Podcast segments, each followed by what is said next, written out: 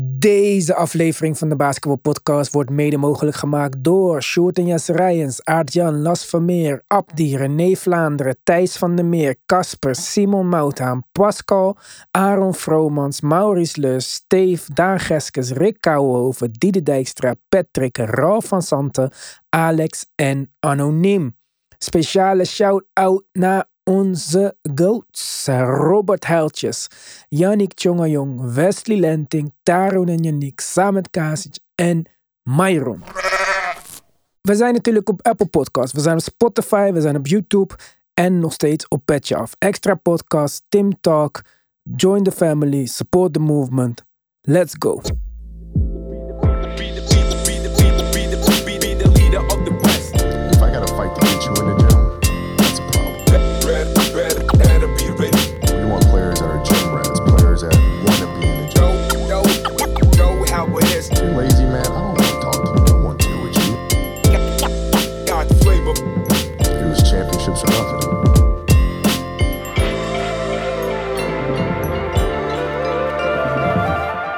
Daar zijn we weer. We gaan de laatste week in, volgens mij, van het preseason. Ik zeg het voor de eerste keer goed, geen Summer League preseason. En eh, dan gaan we bijna echt beginnen, Tim. Er is weer een hoop gebeurd, we hebben een hoop gezien. Eh, het wordt alweer bijna te veel, maar het is wel leuk, toch? Ja, het begint nu wel echt steeds leuker te worden, ja. Helemaal omdat we nu eindelijk, eindelijk Dame en Janis in actie hebben gezien. Dus eh, ja, daar wil ik eigenlijk wel eerst, allereerst even van je van weten. Wat je algemene indruk was van hun eerste optreden samen. Ja, van die wedstrijd nog niet eens superveel eh specifiek. Wel ja, het, het was niet eh, zoals ik het in mijn hoofd zag, maar dat is ook nog niet zo gek. Het was de eerste helft, tenminste. Dame speelde nog in de tweede helft, volgens mij. Maar Johannes heb ik denk ik niet meer gezien. Ik heb drie kwart gekeken. Klopt. Ja, klopt. Ja, maar ik heb er wel veel over nagedacht. We waren zo lang bezig in ons hoofd met Dame in Miami. En dat was leuk, want hij zou dan daar allemaal shooting oplossen. En ja, prima toch? Dat was een eh, goede fit. Iedereen weet mijn mening over Dame. Ik geloof niet super in zijn ja, ability om een kampioenschap te winnen door zijn defensieve gebreken, zeg maar. Dacht Mhm. ik, nou, Miami goede fit. Maar een ander goed verdedigend team is de Bucks. Alleen ik had nooit over de Bucks gedacht, omdat ik nooit, ooit, ooit had gedacht dat zij de assets hadden om hem te halen. Dus nou, ging daarheen, moest een beetje wennen aan het idee. En toen dacht ik van ja, laat me nou eens even gaan nadenken. Want ik heb ze ook nog niet gezien. En dit is toch een belangrijk team. Hè? Ik, schat de Bucks eh, regelmatig hoger in dan de Celtics. Dus ik moest, toch, eh, ik moest er toch zeker van zijn dat, dat, dat ik daar nog achter kon staan. Dat dat Drew weg is. Maar ja, kijk. ehm dit is natuurlijk allemaal theoretisch en op papier. En dit komt gewoon uit mijn hoofd. Dus ik wil niet zeggen dat dit mijn waarnemingen zijn. Maar het zijn mijn gedachten. En mijn gedachten zijn dat, dat dit echt spectaculair gaat worden. En ik, ik ga je vertellen waarom ik denk dat het spectaculair gaat worden. Ik heb het even niet over de defense vandaag. Want dat moet ik wel echt zien. Dat, dat Ja. kan ik nog niet zo bedenken. Ik ben ook geen defense expert. Maar als we gewoon beginnen met die dreiging die van Damian Lillard uitgaat om bal. Gewoon het feit dat iemand vanaf de logo een pull-up tree kan nemen. Dat zet de defense zo onder druk dat ze hem heel hoog moeten gaan oppikken. Net, net zoals ze bij Steph doen. En dat levert makkelijke layups op. Ja, bij de Warriors is het Draymond die daar soms van kan profiteren. Hier wordt dat Jannes. Alsof het voor Jannes allemaal niet al makkelijk genoeg is.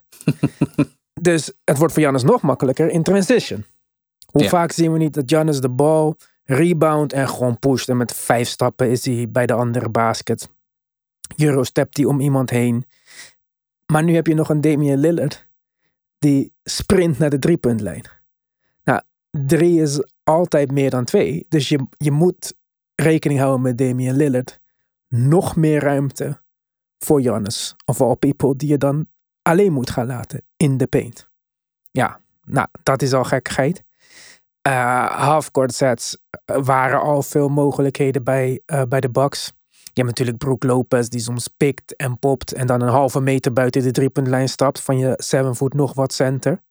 Nou, dat wordt nu alleen nog maar erger, want ja, met, met Dame het is niet eens five out of wide of zo. Het is out of space. Zo, zo ver is zijn range. En als je dan denkt aan pick-and-rolls met Giannis, waarbij Giannis de bal terugflipt naar Dame en screen met zijn lichaam open drie. Dat doe je de eerste keer. De volgende aanval dreig je met die drie, maar draait Giannis om, gaat hij naar binnen. Open lay-up. Komt ook maar iemand helpen, dan is dat de verdediger van Brook Lopez, Chris Middleton of Malik Beasley, die op de driepuntlijn staan. Ja. Ja, dit in mijn hoofd werd, werd gewoon gek. Eh, ik, ik dacht, yo, het is al gewoon zo moeilijk om te verdedigen in de NBA. En eh, wij denken voor, kijk, wij zijn allebei 37. Wij denken aan vroeger en zo. De defense was beter. Dat was ook gedeeltelijk zo. Maar de, de wedstrijden waren heel anders. De spacing was heel anders. En dat, dat is echt, echt, echt, echt heel anders. En toen had je methodischer basketbal in principe. Omdat je, ja, zelfs met de triangle, wat toen revolutionair was. Hè, bepaalde cuts off actions. Maar heel veel was X's en gewoon opgeschreven uh, van de coach. En tegenwoordig is dat gewoon uh, veel minder. Wat ik al zei, je speelt vijf out. Uh, je gaat richting een positionless basketbalsysteem. Hè? Als je kijkt naar alle teams die de laatste jaren succes hebben gehad. Denver, de Warriors, nou, daarvoor hadden we de Lakers, die zijn van outlier in dit geval, want die spelen niet echt vijf out. Daarvoor uh, de Raptors met Kawhi, met Marc Gasol of Ibaka, die uh, op de driepuntlijn stonden. Allemaal slimme spelers, um, positionless basketbal, motion offense. Motion, of dat is de holy grail van basketbal, zeg maar. Nou, ja, denk dan aan wat, wat is ideaal. Nou, dan kom je zo wat uit op de line-up van de Bucks. Ja. Dus kijk, die, die, die X's en O's, echt die, die set plays, dat gaan we nog zien met out of bounds plays, out of timeouts en zo. En misschien als hij met de klas schot of zo. Maar het gaat grotendeels motion offense zijn. Ja. En uh, ja, daar is die two-man actions en zo, die Dame en Jannes kunnen spelen ja, dat, dat wordt levensgevaarlijk. Dit is dezelfde reden dat Darwin hem wil dat AD drie punten gaat schieten. Niet omdat hij dacht van, hé, hey, hey, deze man schiet 16%. Ja, toch, laten we hem... Nee, het gaat niet om AD. Het gaat om wat er dan mogelijk wordt voor de Lakers als hij wijder is, zeg maar. Ja, klopt. En dit is uh, bijvoorbeeld omgekeerd, gaat het bij de Celtics gebeuren waar Drew de screener wordt met Porzingis die kan poppen en schieten, zeg maar. Dus dat is eigenlijk omgekeerd van Damon Jannis, waar de big niet. En, ja. Maar, uh, en dat is waar we vorige week over hadden, toen we het hadden over de spacing bij de Pelicans. Je hebt Valanciunas, Zion en Brandon Ingram, die allemaal op dezelfde plek wil staan. Daarom zei ik vorige week, dit is zo frustrerend voor mij in mijn hoofd, omdat het niks werkt en niks klopt. Bij de Bucks, zijn, ze vallen ook heel erg tegen dit precies. Dat zei ik toch tegen je. Maar dat is het is theoretisch niet mogelijk om mee te vallen. Um, individuele meesterwerken daar gelaten. En dat kan Zion en dat kan Brandon Ingram zo. Maar ja. op papier klopt het gewoon niet. Wat idealiter zou je Zion zien, aanvallen dan. Hè? Ik heb het even over de aanval, dit is allemaal aanval. In de rol van Draymond. Met shooters om hem heen en heel veel ruimte. En Zion is echt een hele goede playmaker, een hele goede baas. We hebben het vorige week over gehad, in de daily ook gezien. Dus dat is jouw ideale beeld. En wat doe je? Te compleet tegenovergesteld. Je haalt bijna de enige wing voor de rest in de NBA die ja, liefst twee punters midrange neemt. Ja, klopt. Ze zijn één stap verwijderd van CJ McCollum treden voor DeMar DeRozan. Ja, ik, ik weet niet wat die, die logica is. Zelfs bij de Knicks, kijk, heb je Mitch toch? Mitch ja. kan niet stretchen bijvoorbeeld. Dat is een center die echt... Maar dan de second unit met Hartenstein. Hartenstein speelt heel hoog. Nou, uh, dat is waarom de Cavs... Je zei het nog de vorige uitzendingen. Dat zat er maar aan het denken. Je zei nummer 1 defense. Dan dacht ik, ja, hoe kan dat? Maar ja, nummer 1 defense met drie non-shooters in de frontcourt. Vorig jaar dan. En ook dit jaar. Je kan doen wat je wil. Maar je kan niet vijf uitspelen met Evan Mobley en Jared Allen. Dus je kan een nummer 1 defense hebben. Je komt niet verder dan de tweede ronde van de playoffs. Eerste nee. ronde van de playoffs. Ja, precies. Ja. Dus kijk, dat soort dingen allemaal. Ja, ik denk nog steeds dat, dat de Celtics en de Bucks elkaar gaan ontmoeten in de playoffs. Alleen in mijn hoofd. En nog even los, hopelijk dat Adrian Griffin alles eh, op de rails krijgt. Want ik ken hem niet natuurlijk. Nee, het is even afwachten. Ik Ja. eh, kan er ook nog niet echt wat van ontdekken. Nee. Ik ook niet. Ik kan niet echt iets zien van dat ik dacht, oh shit, weet je wel. nee. Maar dat is niet gek. Dat, dat, kan, dat kan ik in ieder geval alleen maar in eh, extreme gevallen. Zoals de Maar- eerste jaar van Brad Stevens of zo. Kan ook maar. gewoon een keuze zijn, hè? Ja, kan ook een keuze zijn. Maar ja, op papier, in theorie, worden de Bucks, ik denk, de kroon op dit motion offense. Op deze motion offense filosofie, zeg maar. Ja. Het zijn grote woorden. Ja. Maar als ik jou zo hoor, want jij bent natuurlijk jarenlang, ehm, eh, ben je altijd eh, iemand geweest die eh, de verdediging, defense, altijd Mhm. zoveel mogelijk in de, in, de, in de nadruk zet. Omdat, ja, defense wins championships, maar de NBA beweegt de andere kant op. Nou, daar is dit misschien wel het voorbeeld van. Eigenlijk alle teams die we beter hebben zien worden de afgelopen, misschien wel de afgelopen jaren zelfs, gokken op aanval. Ja, Nou, daar, is zelfs zijn de, daar zijn Bucks zelfs natuurlijk nu ook eh, hebben ze het voorbeeld van. Trade Drew Holiday weg en neem Dame. Dat is de, de ultieme move daar, die dat eh, belichaamt. ja. Jij omarmt dat dus, min of meer. Ja, ik- kijk, ik denk dat je sowieso geen keuze meer hebt, zeg maar. Mhm. Kijk, eh, je kan nu eh, met eh, Dennis Rodman gaan spelen en Bill Lane Beer. Maar ja, ja, dat heeft geen zin, wel. snap je? Ik Ja. kan nu ook een beat gaan maken met samples in het DJ Premier stijl. Nou, ik ben bang dat het geen hit gaat worden wereldwijd. Uh, Wat wij er ook van vinden. En kijk, ik denk dat als we kijken naar vorig jaar en het jaar daarvoor, de Nuggets en de Warriors. Je zou misschien denken, ja, dat is niet elite defense op papier, toch? Steph, eh, Murray, Jokic. Maar het was geen slechte defense. Nee, nee. Dat is, Het is een andere defense dan wat Ja. wij gewend zijn. Het is niet, kijk, het is niet meer mogelijk, of tenminste, als je echt vijf out speelt, is het niet meer mogelijk dat we echt die individuele stoppers gaan zien. Dat, dat wordt gewoon heel moeilijk. En eh, ik heb in voorbereiding van mijn daily van morgen zat ik even te zoeken in die wedstrijd van de Bucks en de Lakers naar voorbeelden, zeg maar, dat ik dit beter kan illustreren. En toen zag ik ook voor hoe moeilijk het is om hoe moet je Dame verdedigen. Als je over een screen gaat, wordt het lastig. Eh, onder een screen kan onmogelijk. Ja, hoe ga je dat doen? Kijk, de spelers die je kan verdedigen zijn Kawhi en zo. Die graag naar binnen stappen. Maar die is weer zo goed dat je hem niet kan verdedigen. Dus een echte goede verdediger. Kijk, wat maakt iemand nu echt een goede verdediger? Is iemand die niet zijn positie verdedigt. Marcus Smart won twee jaar geleden eh Defense Player of the Year. Waarom? Omdat hij goed switches kan verdedigen. Daarvoor heeft tien jaar lang Rudy Gobert gewonnen. Waarom? Niet omdat hij Jokic verdedigt, maar omdat hij drop defense heel goed speelt. Heel goed Ja. kan verdedigen in space. Vorig jaar heeft Jaren Jackson Jr. gewonnen. Jaren Jackson Jr. had niet drie bloks op zijn directe man per wedstrijd. Nee, hij is een help defender. Ja. Dus het concept, wij moeten wennen, ik ook vooral, aan wat is een goede defender. Want een goede defender is niet meer eh, Dennis Rodman, Michael Jordan, Kobe in zijn goede dagen. Ooit die ene guy van de Grizz, Tony Allen. ja. Dat, dat kan niet meer nu. Los van dat je Dennis Rodman, Tony Allen en zo allemaal niet kan spelen. Omdat ze in de aanval dus dit eh, zouden verpesten. Mhm. Ja, Ja.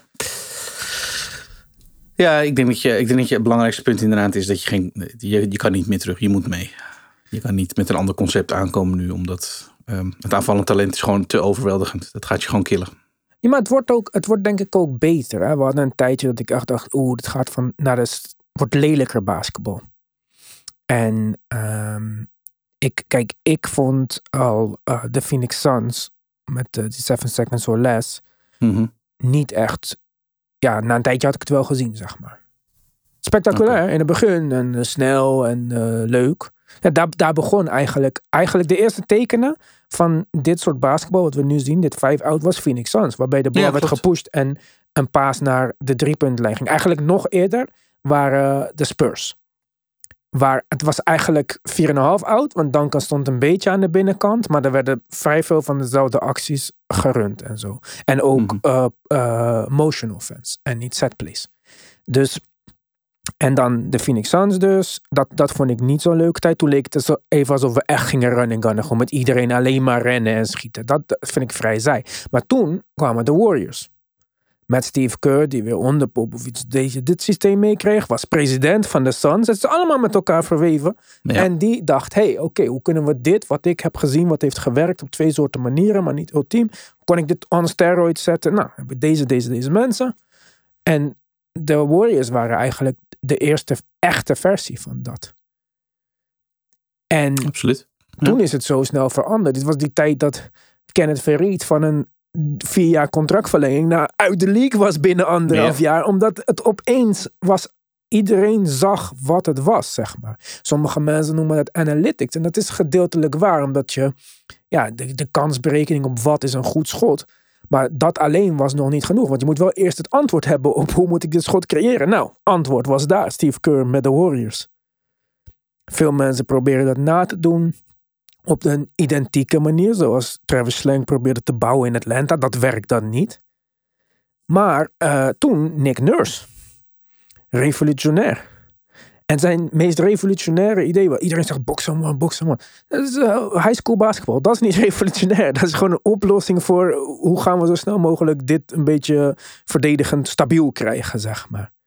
Maar zijn offense was dus ook Marc Gasol, Ibaka naar buiten. Kawhi ruimte om te opereren. Die heeft dus, je kan wel zeggen, ja, maar Kawhi is een midrange. Ja, klopt. Maar waarom is er ruimte in de midrange? Mhm. Omdat iedereen aan de buitenkant staat. Ja. Dus, en van dat naar dat, naar Denver die dit, ik zei net, eh two-man actions tussen Dame en Giannis. Ja, wat doen Jokic en Murray? En wat we de vorige keer ook zeiden, ze zijn alle, waren allebei volgens mij 30 en 10 of zo. In de Ja. finals. Het is niet Jokic is de point guard of Murray is de point. Nee. Het is gewoon wat het is, om's de beurt. En er is Ja. geen planning mogelijk. Omdat, ja, Nee, dit, dit- zelfs de rollen zijn niet meer gedefinieerd zoals je dat, eh, zoals je dat ooit gewend was. Point guard, point guard. Wat is nog een point guard? Moet je, dat, je, je kan beter spreken over balhandlers. Want ja, iedereen kan een balhandler zijn. Of hij nou een, een, Ja. het lijf heeft van een center of het lijf heeft van een point guard van vroeger. Dat, dat, en, en tablesetters zijn er ook bijna niet meer. De oldschool point guards zoals wij ze kennen. Maar Dus daarom, ja. en daarom werkt James Harden niet. Hij kan 15 assists averagen op papier. Hij kan 30 punten scoren. Maar beide gaan niet in de flow van de offense. Nee. En Nee, hetzelfde geldt voor Embiid. Nou ja, die koppel je aan elkaar. Dan lijkt het op papier super. 30 punten per wedstrijd center. 20-10 point guard. Maar nee. Nee, dat is inderdaad weer een andere. Ze zouden ehm, maandagavond misschien in actie komen in Brooklyn. Maar eh, helaas, allemaal eh, ruled out. Dus wederom eh, voor Philly fans geen blik op dan wel Embiid. En misschien zelfs Harden. Was hoop dat hij ook nog in actie zou komen. Ja, denk je dat Harden gewoon in dit seizoen gaat beginnen en gewoon gaat spelen alsof er niks Ja. aan de hand is? inmiddels wel. Nou, niet alsof er niks aan de hand is. Maar ik denk wel dat hij een soort van keuze maakt. Nu hij schijnt. Ik heb eigenlijk verschillende geluiden vanuit Philly gehoord.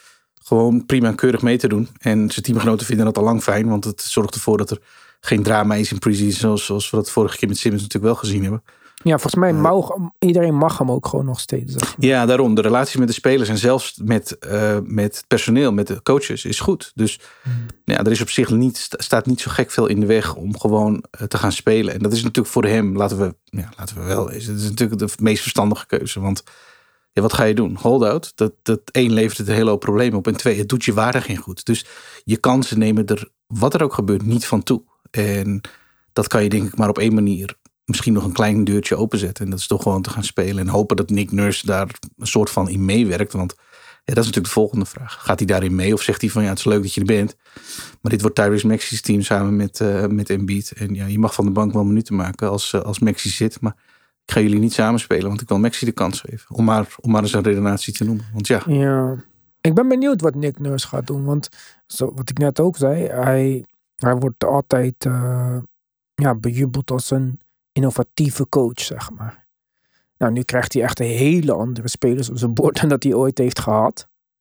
Ehm, ook veel meer, een bredere selectie hè, dan waar hij mee eh, te maken had in Toronto de afgelopen Ja, jaren. dat wel. Ja, ja. Dus ja, dit wordt ook voor hem, zeg maar, moet dit eh, ja, een snoepwinkel zijn.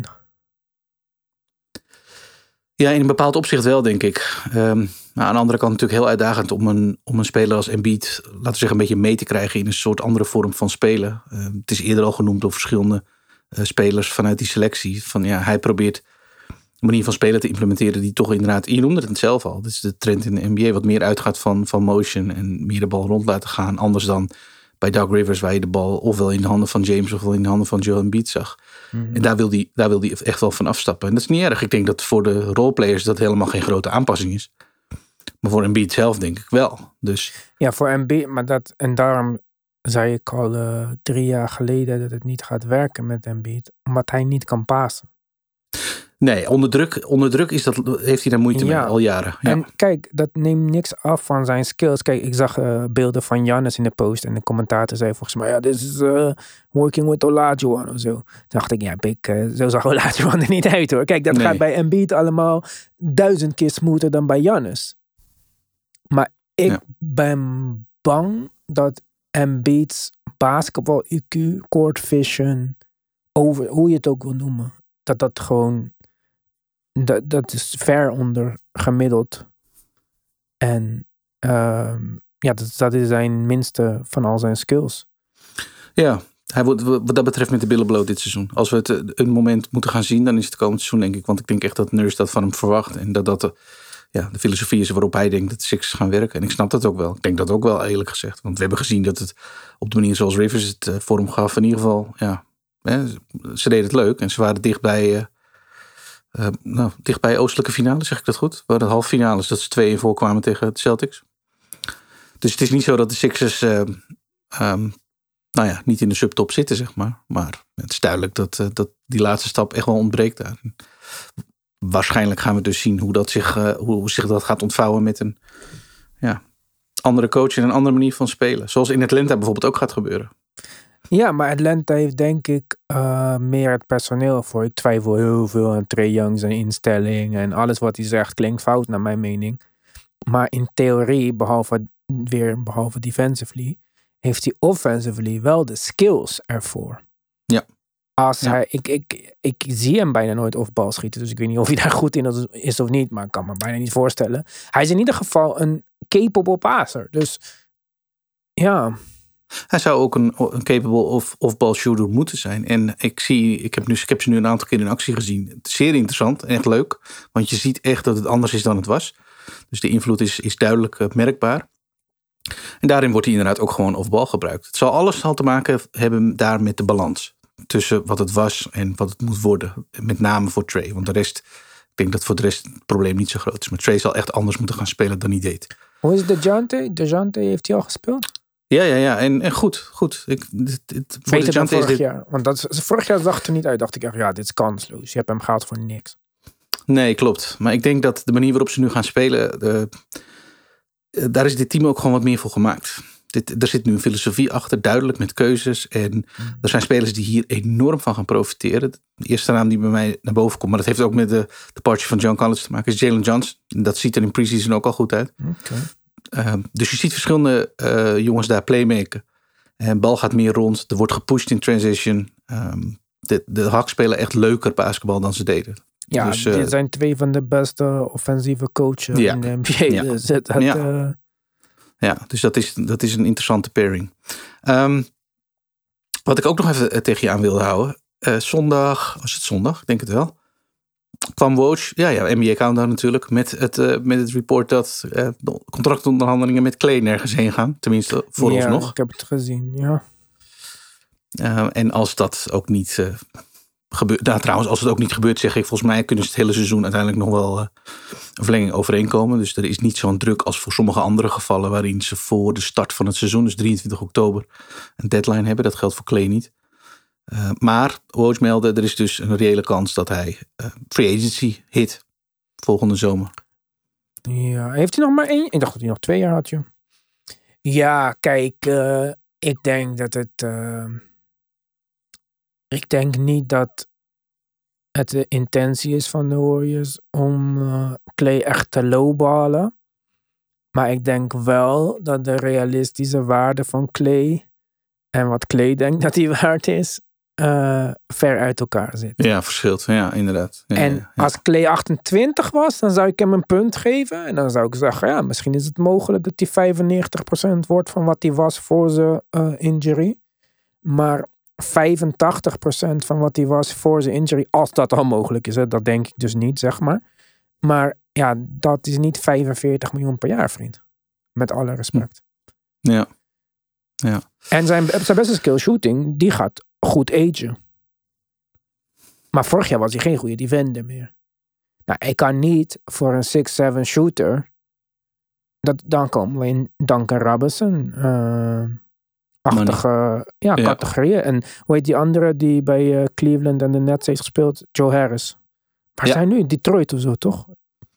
Detroit. Ja, ik zag hem laatst. Dacht, huh? oh ja, toch. Ja. Is even wennen. Ja, maar dus kijk, dus de, de, eh, Dan, eh, Duncan Robinson, Joe Harris, die verdienen 18, 19 miljoen volgens mij.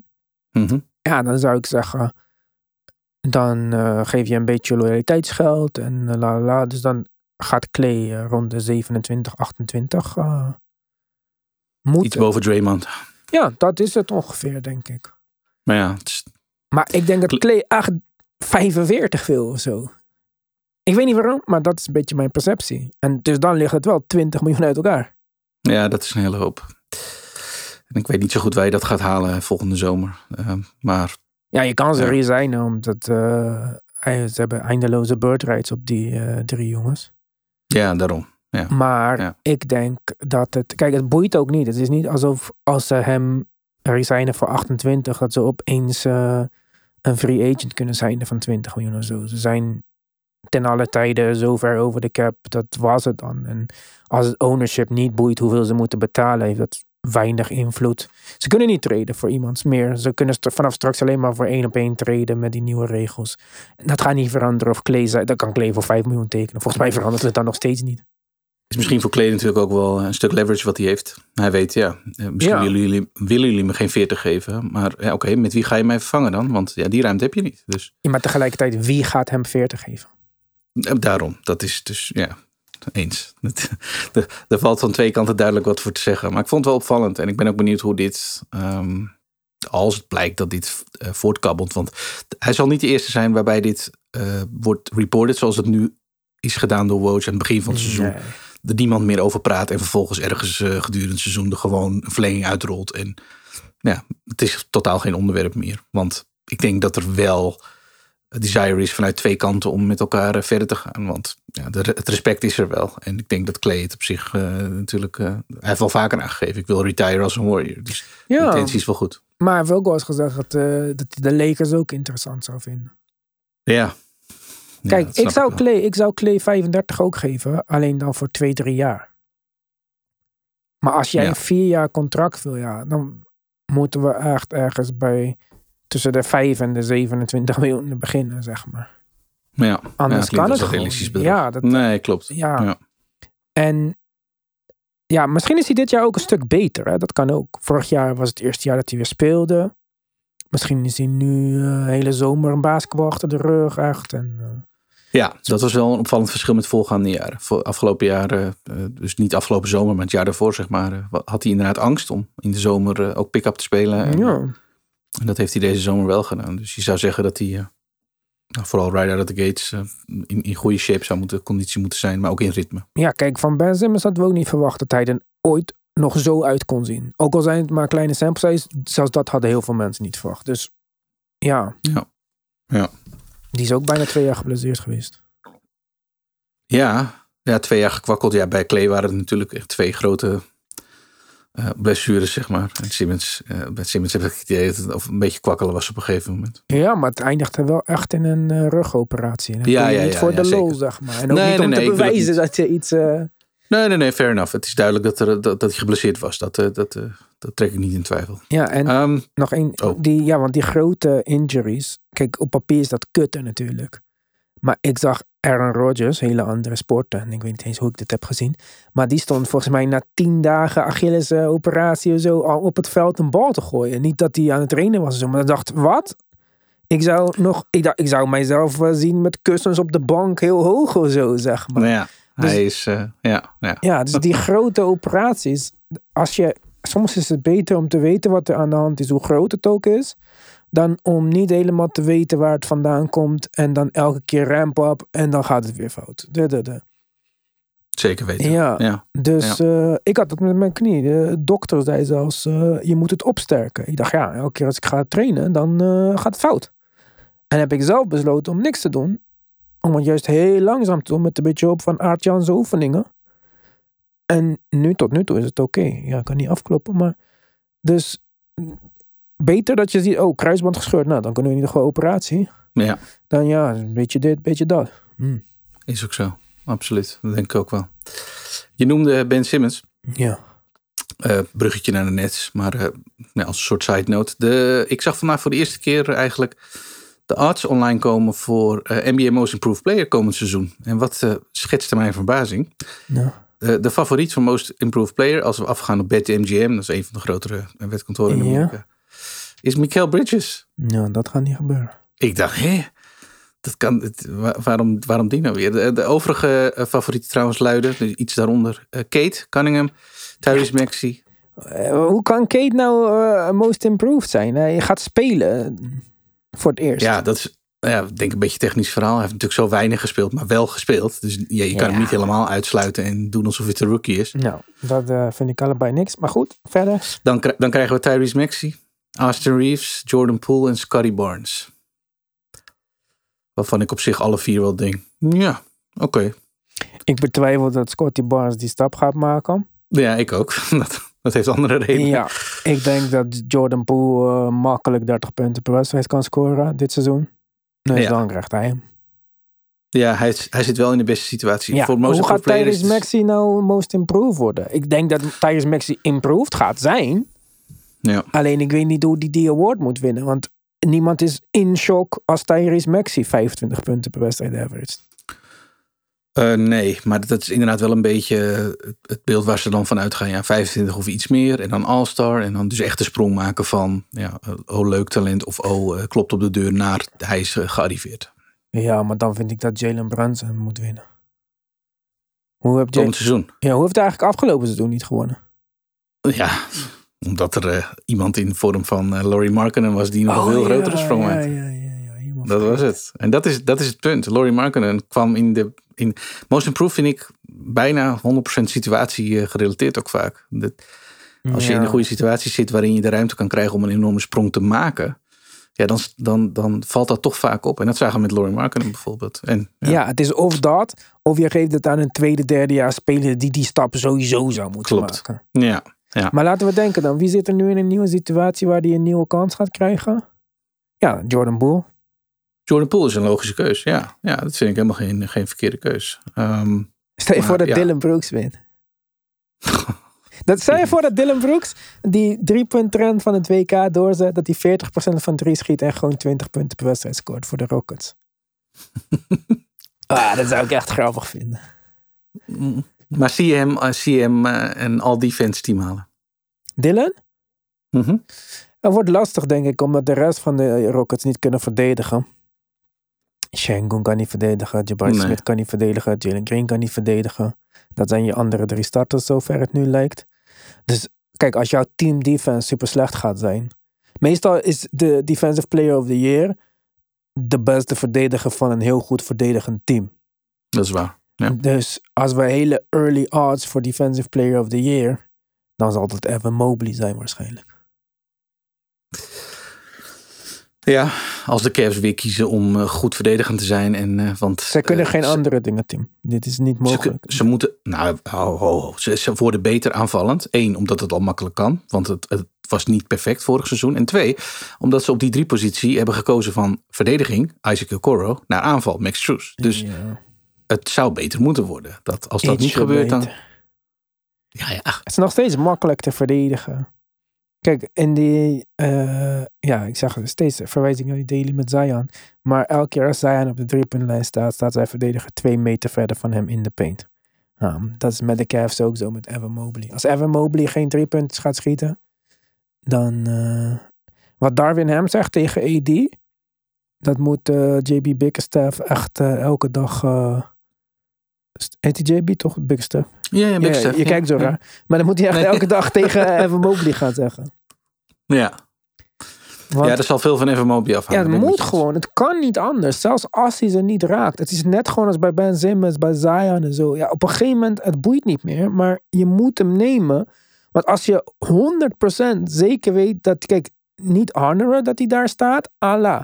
Maar gewoon echt niet op hem verdedigen. Omdat je weet dat hij 100% niet gaat schieten. Ja, dan wordt het klaar. Of Ja. ze moeten met Evan Mobley als de big spelen. Enige Ja, big- dat is het alternatief. Ja, Ja. ja, ja, ja. En ehm ehm, Jared Allen is geblesseerd. Eh, het is de vraag of hij, eh, of hij begin van het seizoen eh, alweer fit is. Ik begin daarover te twijfelen als ik nu gehoord heb. Volgens mij had hij iets met zijn enkel. Maar er waren wel concerns daar. Dus dan, ja, dan heb je kans dat ze sowieso ehm, met zijn afwezigheid zo kiezen om, om met Evan op de vijf te beginnen. Om te zien van ja, wat doen de rest van de line-ups die we dan op het veld kunnen zetten. Want ja, dan krijg je heel andere mogelijkheden. Een ander soort Cavs-team. Wat op zich aanvallend een stuk beter zou moeten kunnen zijn dan we afgelopen seizoen gezien hebben. Ja, maar dan is de defense wel eh, helemaal naar Ja. de kloten. Want als je al in je line-up eh, Garland, Mitchell en Stroes hebt. En dan weet ik niet wie op de vier gaat spelen. Georgie Niang bijvoorbeeld. Ja, maar dit, eh, ik ben niet bang voor dat team. ja, dat team is voor mij geen, eh, geen halve finalist in de oostelijke conferentie. Maar, maar je noemde net Evan Mobley, realistisch. Eh, Als jij, eh, weet ik veel, nog één of twee eh, Defensive Player of the Year kandidaten moet noemen. Gewoon op dit moment, voor, voorafgaand aan het seizoen. Wat zouden je logische keuzes zijn voor jou? Ehm, ja, kijk, je hebt een paar van die vaste namen die altijd meedoen. Stel je voor dat de Warriors hot zijn. Dan kan Draymond zomaar in die conversation rollen.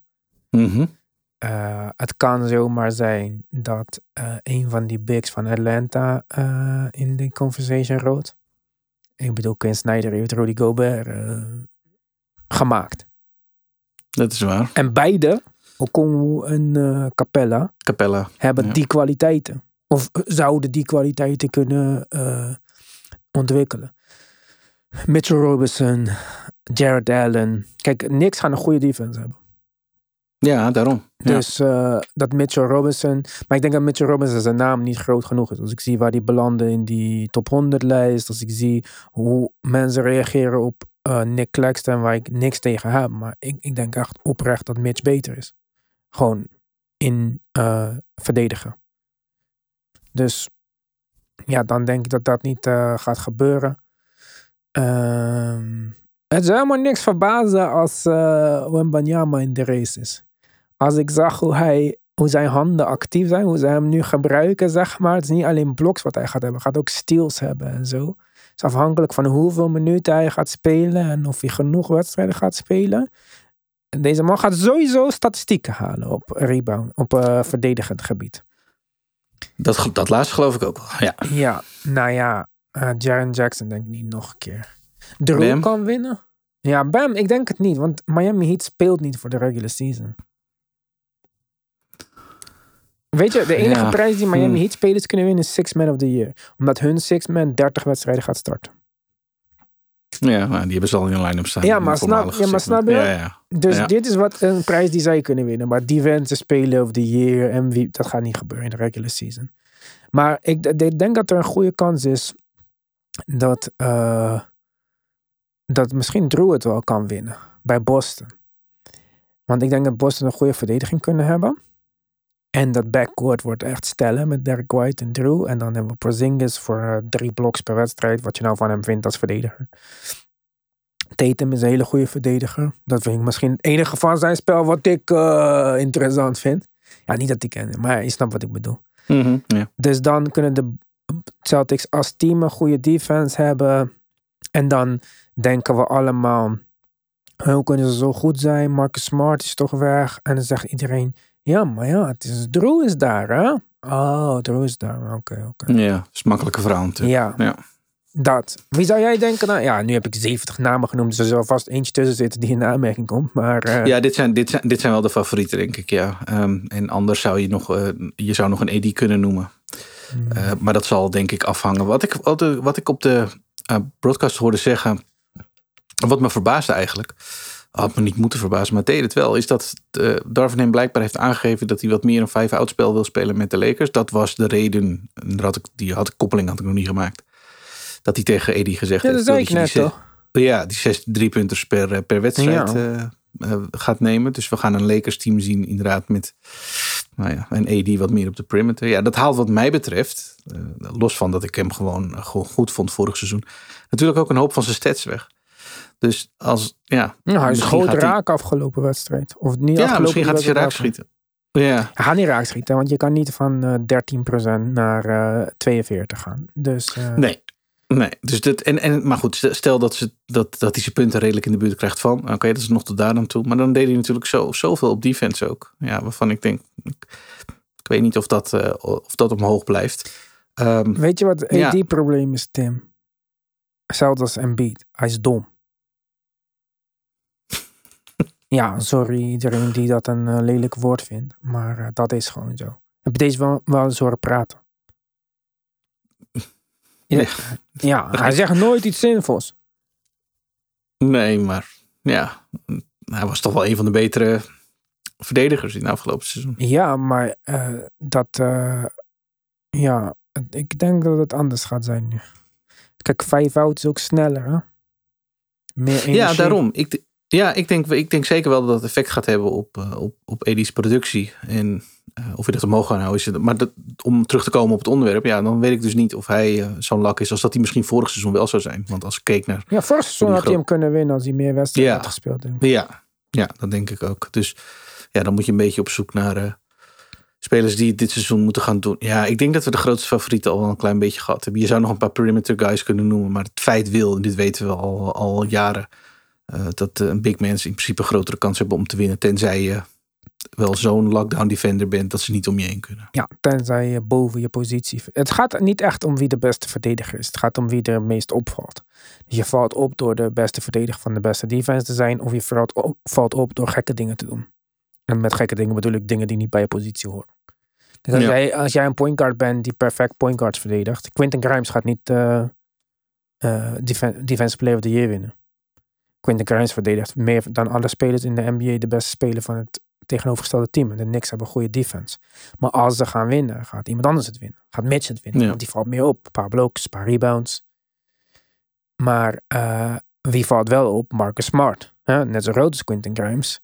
Maar switcht op Jokic en eh, doet het beter dan de center, bijvoorbeeld. Ja, En dat is wat je moet zien om eh, in de buurt van zo'n titel te komen. En dat kan Marcus Smart, dat kan Drew Holiday. Dat kon Kyle Lowry vroeger. En die voegt dan nog die Chargers dingen eraan toe en zo. Maar ik zie niet... Ja, ik denk dat Drew een goede kans maakt. Maar ik moet even kijken, want Joe Mazzulla is geen defensive expert. Dus nee, nee, nee. dat, nee. dat wordt dan lastig. Ik denk dat... eh, ja. Ja. Misschien Marcus Smart. Hè? Misschien eh, worden de Grizzlies defensively natuurlijk nog beter. Nu. Steven Adams is Ja. terug. Die gaat weer Ja. rebounden. Jaren Jackson is nog daar en Marcus Smart is nu daar. Dit is best wel eh, heavy. Ja, ik zat te kijken tegen Miami. Ik zag Derrick Rose tegen Kyle Lowry, dus ik ging even terug in de tijd. Maar ehm, ja, dit, het probleem met de Grizzlies is, ik heb ze uiteindelijk uh, nou een paar keer in actie gezien, maar nooit helemaal, zeg maar. Dus Ja. ik ben vooral nog steeds benieuwd, oké, maar hoe, hoe ziet het er straks dan uit in die eerste 25 wedstrijden zonder ja? Want uh, dat is de grote vraag van dit. Uh, nou ja, ze hopen eind deze week Marcus Smart voor de eerste keer te gaan spelen. Mm -hmm. Dus nou, dan krijgen we eindelijk een beetje een glimpse van wat de Grizzlies komend seizoen gaan doen. Ik weet niet. Ik denk als de Grizzlies het al goed omhoog weten te houden, wat je net, het scenario, scenario wat je net schetste, dan lijkt mij Jaron Jackson Jr. de eerste de beste die meteen genoemd gaat worden om, um, om hem eventueel voor de tweede keer op rij te winnen. Weet je, dat is natuurlijk de makkelijke, de, keuze dan. Denk je dat de Grizzlies, Derrick Rose en Marcus, uh, Marcus Smart samen gaan spelen? Lijkt me niet. Nee, maar het kan wel. Ja, oh zeker, zeker. Zeker. En als ik zie hoeveel Rose nu al uh, minuten krijgt. En dat is natuurlijk ja, nu kan niet anders. Ja. Ja, het is gegeven de omstandigheden ook een beetje.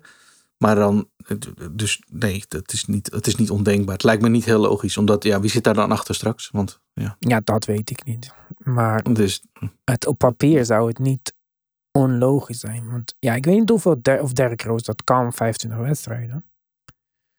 Maar ja, kijk, het kan ze, het laat ze wel gedeeltelijk in de flow van hun offense eh, blijven, zeg maar. Derrick Rose is natuurlijk niet meer zo atletisch als dat Ja is. Maar in ieder geval gaat het, zou het, is niet alsof we een drie-punt shooter hebben met een andere soort point guard. Dus zou de dreiging van naar binnen gaan, gaat uit. ja, voor de rest van het team levert het dezelfde soort balans op als wat ze Ja. gewend waren. Ja. Dat is meer. Ja, maar, ja. Ja, ik weet niet. Nee, dat, dat, dat, het zou misschien eh, moeten, maar ehm, ik verwacht eerlijk gezegd niet. Meer omdat er dan, ja, dan is de spoeling erachter, eh, wat betreft de guards, wordt wel heel dun. En dat is wel een beetje mijn probleem met de Grizzlies aan het worden. Eh, ja, als het goed gaat, Kansloos. hebben ze best, ja, best een leuke start. Nou ja, best een leuke starting five. Kijk, z- zelfs zonder ja, want jij zegt altijd zonder ja zijn ze beter. Zeker. Ja, na twee seizoenen terug hebben ze inderdaad een hele goede run gehad. Vorig seizoen was Trekkert zonder ja, viel uiteindelijk best nog wel mee. Was ergens iets boven de 500 geloof ik. Maar ehm, de bank Ja. ja, is er in mijn ogen niet gek veel beter op geworden. En, eh, dus ik vind de spoeling vooral na die starting five wel een beetje dun worden. En dan zie ik altijd dat de Grizzlies eh, in de meeste lijstjes gewoon een soort van standaard bovenin worden neergezet. En denk ik, ja, Even wachten. ik, ja, ik weet het nog niet. Nee. Ik ook niet. Ik denk niet dat dit het jaar van de Grizzlies wordt. Ik zie het nog niet, laat ik het zo maar zeggen. Ik zie het nog niet. Nee. Nee, nee. Ehm, heb jij Denver nog zien spelen? Ja, beetje. Die eh, zien er leuker uit dan ik gedacht had. Als je toch een voorbeeld wil van een team. Dit is trouwens geen wereldschokkend nieuws, maar dit is wel opvallend in de preseason. Omdat je ziet zoveel teams die eh, nieuwe spelers proberen te implementeren of nieuwe coach, whatever. Maar eh, als je toch een voorbeeld wil, eh, wil zien van een team dat gewoon ja, draait, zoals je eigenlijk gewend bent. En daarachter nu probeert op te vangen met, eh, met één tweedejaarsspeler en een zootje rookies. En dat eigenlijk ook nog best wel aardig doet. Dan is het Denver. Wat ik, Denver en de Knicks, die zijn gewoon precies hetzelfde Ja. als vorig jaar. Ja. Met Ja. één verandering op de bank, zeg maar. Di Vincenzo en geen Bruce Brown. Dat, die gaan gewoon verder. En ik denk dat het plan ook van Denver was, of de plan van Denver, misschien is dat overdreven. Of misschien hebben ze gereageerd op de situatie, dat weet ik niet. Maar kijk, dat Jokic niet traint in de zomer, is ook een van de redenen dat hij nu alle preseason wedstrijden speelt, denk ik. Omdat hij zichzelf gewoon in shape gaat spelen. ja, in vorm speelt. Ja, Ja. precies. Ja, ja. En als hij de hele zomer getraind had, dan had hij nu waarschijnlijk om de wedstrijd gespeeld. Bijvoorbeeld. Ja, Zoals, zoals je. Ja, Ja, dus, ehm, dus ja, daarom. En misschien helpt dat zelfs. Misschien boeit het niet zoveel dat ze. Ze zijn sowieso goed genoeg om eh 500 te gaan in de eerste twee maanden. Zonder dat ze in shape zijn. Dus dan uiteindelijk is dit misschien zelfs wel de beste strategie. Gewoon eigenlijk later beginnen dan de rest. En meer overhouden in de tank. ja. En, en voor, voor hem werkt het ook. Al- Als je dat ook zo zou horen, je zou een speler moeten bedenken die bij die eh, approach, zeg maar, wel vaart. Dan, dan is hij dat natuurlijk. Ja, ik zit gewoon de hele tijd in mijn hoofd met vorig jaar dat hij wel super, super, super duper fit aan het eh, seizoen begon. Ik zeg niet dat hij niet fit is nu of zo, maar gewoon toen was het echt duidelijk. Bama was gefocust hele zomer. En ze worden kampioen. En dan voor mij is het zoiets van ja. We hebben dus gezien, precies gezien wat er werkt. Het lag er nooit aan jouw talent of jouw individuele prestaties. Maar we hebben gezien wat er werkt. En nu doen we eigenlijk het tegenovergestelde. Van extra voorbereiding naar minder voorbereiding. Ja, maar Dat met, met een hele hoop. Ja, dat is fair enough. Maar ja, met een hele hoop ervaring en succesrijker. En Ja, als je hem nu ook weer ziet spelen, hij speelt alles gewoon weer akkoord. In, in ja, ja, en uiteindelijk bijna out of shape. Ja, en ja, maar ja, hij hoort de shape, maar uiteindelijk is hij ook eh, twee maanden later gestopt met basketballen dan eh, Ja. sommige andere spelers, zeg maar. Dus eh, Ja, ja. ja. Zijn piek lag, zijn piek lag daar. Er was vandaag een, kwam vandaag een, een groot stuk online ehm, bij de Ringer over, of eigenlijk een interview was het, met eh, Kelvin Boet, de GM daar. ja. En die was vrij open en duidelijk over waarom hij eh, Bones Highland heeft moeten traden, vond hij zelf. Oeh, dit heb ik niet gelezen, vertel mij. Hij, nee, ik zal het even... een Disruptive soort van- of zo? Of, Nee. Oh. Hij, zegt, hij zei min of meer vertaald: ik, ik wist dat we geen twee jongens op de selectie konden hebben die niet konden verdedigen. Oh. En dat we ook geen twee jongens op de selectie konden hebben die en jong waren en meer een soort van me-guys waren. Wie zijn de anderen? Mike Porter, Michael Porter Jr. Hij zegt: Hey. Michael Porter Jr. verdient 30 miljoen. Hij is een van de beste shooters in de NBA. Dus, Bones, there's no place for you. Ja, Dit, is een quote, dit is een quote. interessant, maar niet nodig om dat te zeggen. Niet chic. Niet.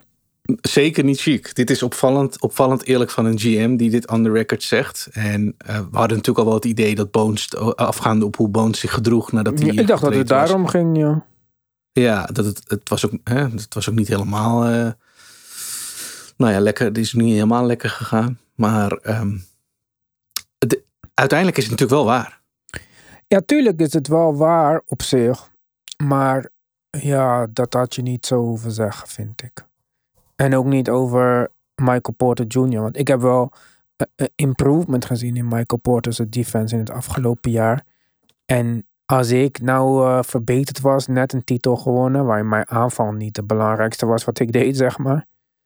Dan zou ik me niet super chill voelen over dat jij nu even gaat zeggen dat ik eigenlijk gewoon zo'n kansloos project ben dat we een andere jong talent weg gaan geven. Zo kan je het opvatten. Ja, hij, hij omschrijft hem dus als eh, jong en me-guy. Ja, oh ja, die me-guy, dat is nog erger. Ja, Hoeveel schoten Ja. heeft Michael Porter Jr. genomen vorig seizoen? Volgens mij niet zoveel hoor. Nou ja, zo typeert hij in, eerste- in principe als speler. Kijk, daarna zegt hij, hij is een van de betere schutters in de NBA. Of een van de beste schutters in de NBA. Dus het is niet zo dat hij hem niet waardeert. Maar er worden wel even profieltjes, profieltjes geschetst zo, eh, door je eigen GM. Ja, maar kijk, Michael Porter Jr. is een me-guy. Neemt 13 schoten per wedstrijd. In de play Hij houdt zich in. in Ja, de hij houdt zich in. maar naar heeft- 11.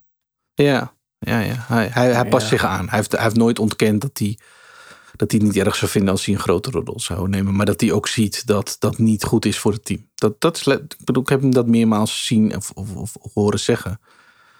Ehm, alleen, eh, ja, dan denk ik wel, is het nodig dat je dat, je dat Ja. als GM op deze manier typeert. Ehm, omdat het, ja, het- Ik zeg alles niet, wat je on the record... ja, ik Ja. zeg niet dat hij een fantastische two-way speler is of zo. Maar ja, als ik denk aan me-guy, ja, denk ik aan Tyler Hero of zo. Klopt. Ja, ja. En, en, en MPJ had dat in het begin ook wel een beetje. Maar hij, heeft, hij, is, hij is absoluut gegroeid. Ja, Niet vind alleen ik in zijn ook. rol, ja, maar- ik vind, ja, ik ja. dat niet... eh, nee, dat had hij niet zeggen. Nee, nee, ik vond het ook wel een opvallende quote. Ik heb het verhaal er even bij gepakt voor de zekerheid. Want je krijgt het dan weer via zo'n... eh, Ja, snap ik. Dan eh, denk je, dit- je zou bijna denken dat dit dus verkeerd eh, uit de context Ja. getrokken is. Ja, Ik dacht, huh, maar nee, nee, het, stond er, het stond er echt in. ja dat is niet oké. Nee, nee lijkt, me niet, lijkt me niet heel handig. Maar goed, de, de- ik heb ze daarnaast ook zien spelen. MPJ speelde trouwens niet. En, Beter. maar goed, zoals, eh, zoals er altijd wel een speler ontbreekt bij elk team dat je zit te kijken. Het is Ja, maar eh, MPJ hoeft ook niet te spelen. Wacht maar even tot het eh, ergens om gaat met hem. Ja, daarom. En de, en de rest van de Nuggets speelde wel en zagen er, vond ik in ieder geval opvallend goed uit. Die jonge jongens die ze hebben, Mhm. ik ga het nu alvast maar zeggen, hou ze in de gaten. Ze hebben echt een paar leuke spelers. Die, Julian Strother is, is hun rookie. Peter Watson, tweede, tweedejaars speler. Ehm, die, zijn echt, die zijn echt leuk. Ja. Maar zijn ze ready? Ja, ze ogen meer ready dan... Ja, maar dit is het concept van de Nuggets, hè. Ready spelers draften. Dus eh, eh, ja, langer in college, betere programma's. En eh, zorgen dat ze wat mee kunnen draaien. Ja, maar die ready spelers moeten wel twee hele belangrijke veterans vervangen. Dus Ja, nou, en dat zal de groot, het grote vraagteken bij de Nuggets zijn. Maar dat ze ehm, relatief ready zijn en echt wel leuke dingen laten zien nu al. Hmm. eh, dat vind ik eh, absoluut eh, een aanrader om te gaan kijken. Want dat zie je bij niet veel andere ploegen. Dat, Ja. dat je zulke spelers draft. Snap ik, snap ik. Nou Tim, ik weet niet of je nog echt iets dringends wil voorleggen, maar anders ga ik naar mijn stoofpot toe. Ik wens je alvast heel veel eetplezier. Nou, dat ga ik denk ik proberen dan. Ik ben er morgen weer op YouTube. Tim is deze week met Tim Talk. We zijn er op Petje Af met een normale Petje Af uitzendingen natuurlijk. Ehm, ik heb leuke dingen te vertellen, maar dat, eh, dat komt later. Eerst, eerst eh, zien dan. Geen woorden, maar daden. Toch? Zo is dat. Ja, toch.